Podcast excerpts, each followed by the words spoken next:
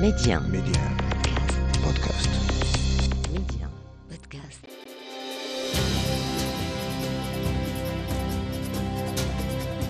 كبرها صغار قالها الحسن الثاني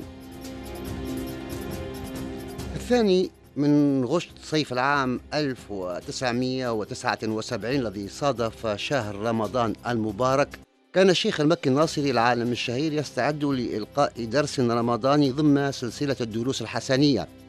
أمام العاهل الراحل الحسن الثاني تناول موضوع جمع القرآن. حين تدخل العاهل الراحل منبها إلى أنه سيأخذ الكلمة قبله ليلقي ذلك الخطاب الذي اشتهر واستعمل فيه عبارة شعبية هي كبرها تصغى. وقال راجت هذه الأيام أخبار تتأكد كل يوم أن موريتانيا ربما ستتخلى عن الجزء الصحراوي المسمى تيرس الغربية أي إقليم وادي الذهب. وبعد تحليل سياسي وقانوني لأبعاد هذا القرار أضاف يقول الله وعسى أن تكرهوا شيئا وهو خير لكم وأنا أترجمها بالعربية الدارجة. كبرها تصغار. وقد كونت هذه المقولة ركنا من أركان سياستي في الداخل والخارج. وتابع قررنا أن تكون هجرتنا إلى صحرائنا وقفا علينا وعلى أبنائنا وحفدتنا. إننا نتابع الأحداث بصرامة هادئة ذلك أن الوقت يقتضي التبصر والتحليل. هذا الخطاب الشهير تصدر في الغد الصفحة الأولى لجريدة الميثاق الوطني مرت أزيد من سنتين على الالتحاق بها فيما شرعت في متابعة دراسة نيل دبلوم الدراسات العليا في العلوم السياسية بعد حصولي على الإجازة. لقد كنا على أبواب حدث مفصلي في التحولات التي شهدتها القضية الوطنية وكنت في المتابعة مع الفريق داخل الجريدة وعشت هذه اللحظة التاريخية ونقلتها إلى القراء من الميدان في الداخل. بعد ذلك كما أشرت إلى ذلك في حلقة سابقة. كانت الأخبار تتحدث عنها بشكل متسارع عن عزم موريتانيا تسليم ترس الغربية إلى الانفصاليين.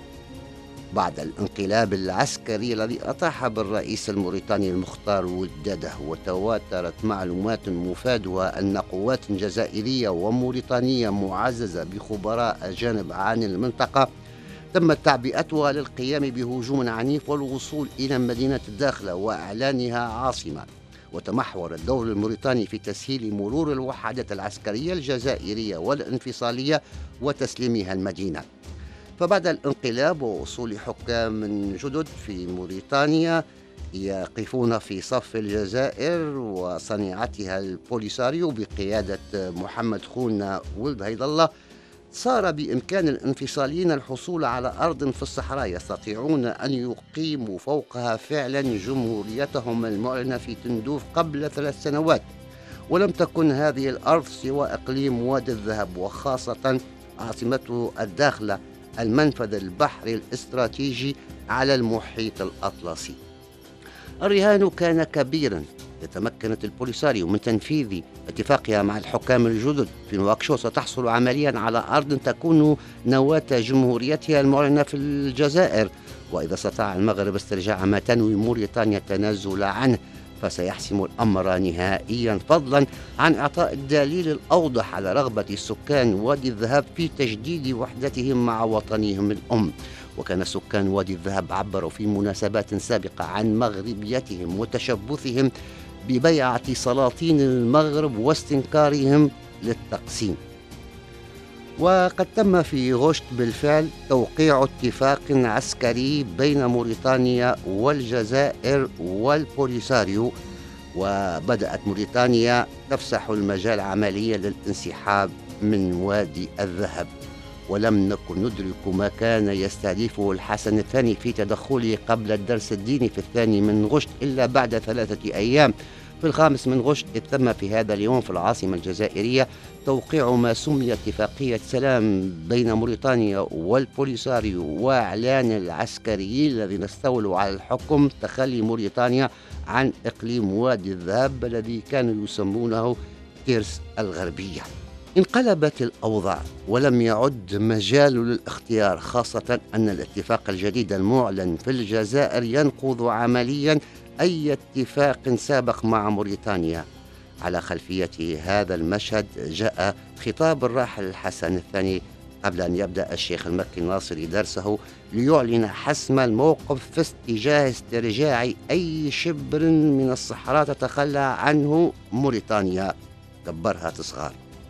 بعد أسبوع من الخطاب الملكي دخلت القوات المعادية إلى الصحراء متجهة إلى الداخل لتنفيذ المخطط المتفق عليه. وفي الحادي عشر من غش ستصل الوحدات المهاجمة إلى بئر نزران الممر الضروري إلى الداخل لتندلع معركة شديدة معركة بئر نزران من أقوى المعارك التي خاضتها القوات المسلحة الملكية التي دخلت مدينة الداخلة في الرابع عشر من غشت واكتمل النصر العسكري بانتصار سياسي ففي نفس اليوم وصلت إلى الرباط وفود علماء ووجهاء وأعيان وشيوخ سائر قبائل وادي الذهب لتجديد بيعتهم مؤكدين تمسكهم بمغربيتهم وتشبثهم بالانتماء للوطن وبوحدة التراب الوطني. وخاطب العاهل الراحل أبناء القبائل الصحراوية قائلا إننا قد تلقينا منكم اليوم البيعة وسوف نرعاها ونحضنها كأثمن وأغلى وديعة. فمنذ اليوم بيعتنا في أعناقكم ومنذ اليوم من واجباتنا الذود عن سلامتكم والحفاظ على أمنكم. والسعي دوما إلى إسعادكم. وأننا لنشكر الله سبحانه وتعالى أغلى شكر وأغزر حمد على أن أتم نعمته علينا. فألحق الجنوب بالشمال ووصل الرحم. وربط الأواصر. توجهت إلى الداخلة بعد استرجاعها مباشرة وأجريت تحقيقا مطولا هناك.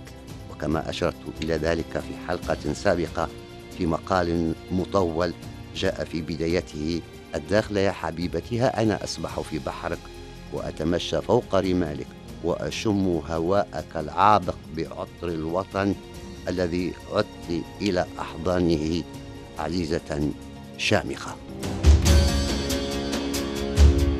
وإلى لقاء قادم.